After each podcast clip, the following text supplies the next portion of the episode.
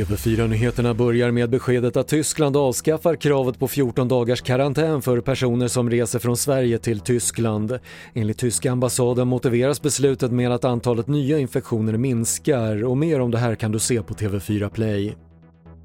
Personer med antikroppar kan få göra besök inne på äldreboenden enligt nya riktlinjer från Socialstyrelsen.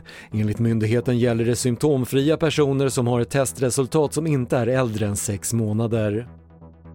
Så till USA där den första federala avrättningen på 17 år har genomförts efter att högsta domstolen godkänt att de får återupptas. Mannen som avrättades var en högerextremist dömd för ett trippelmord under ett rån 1996.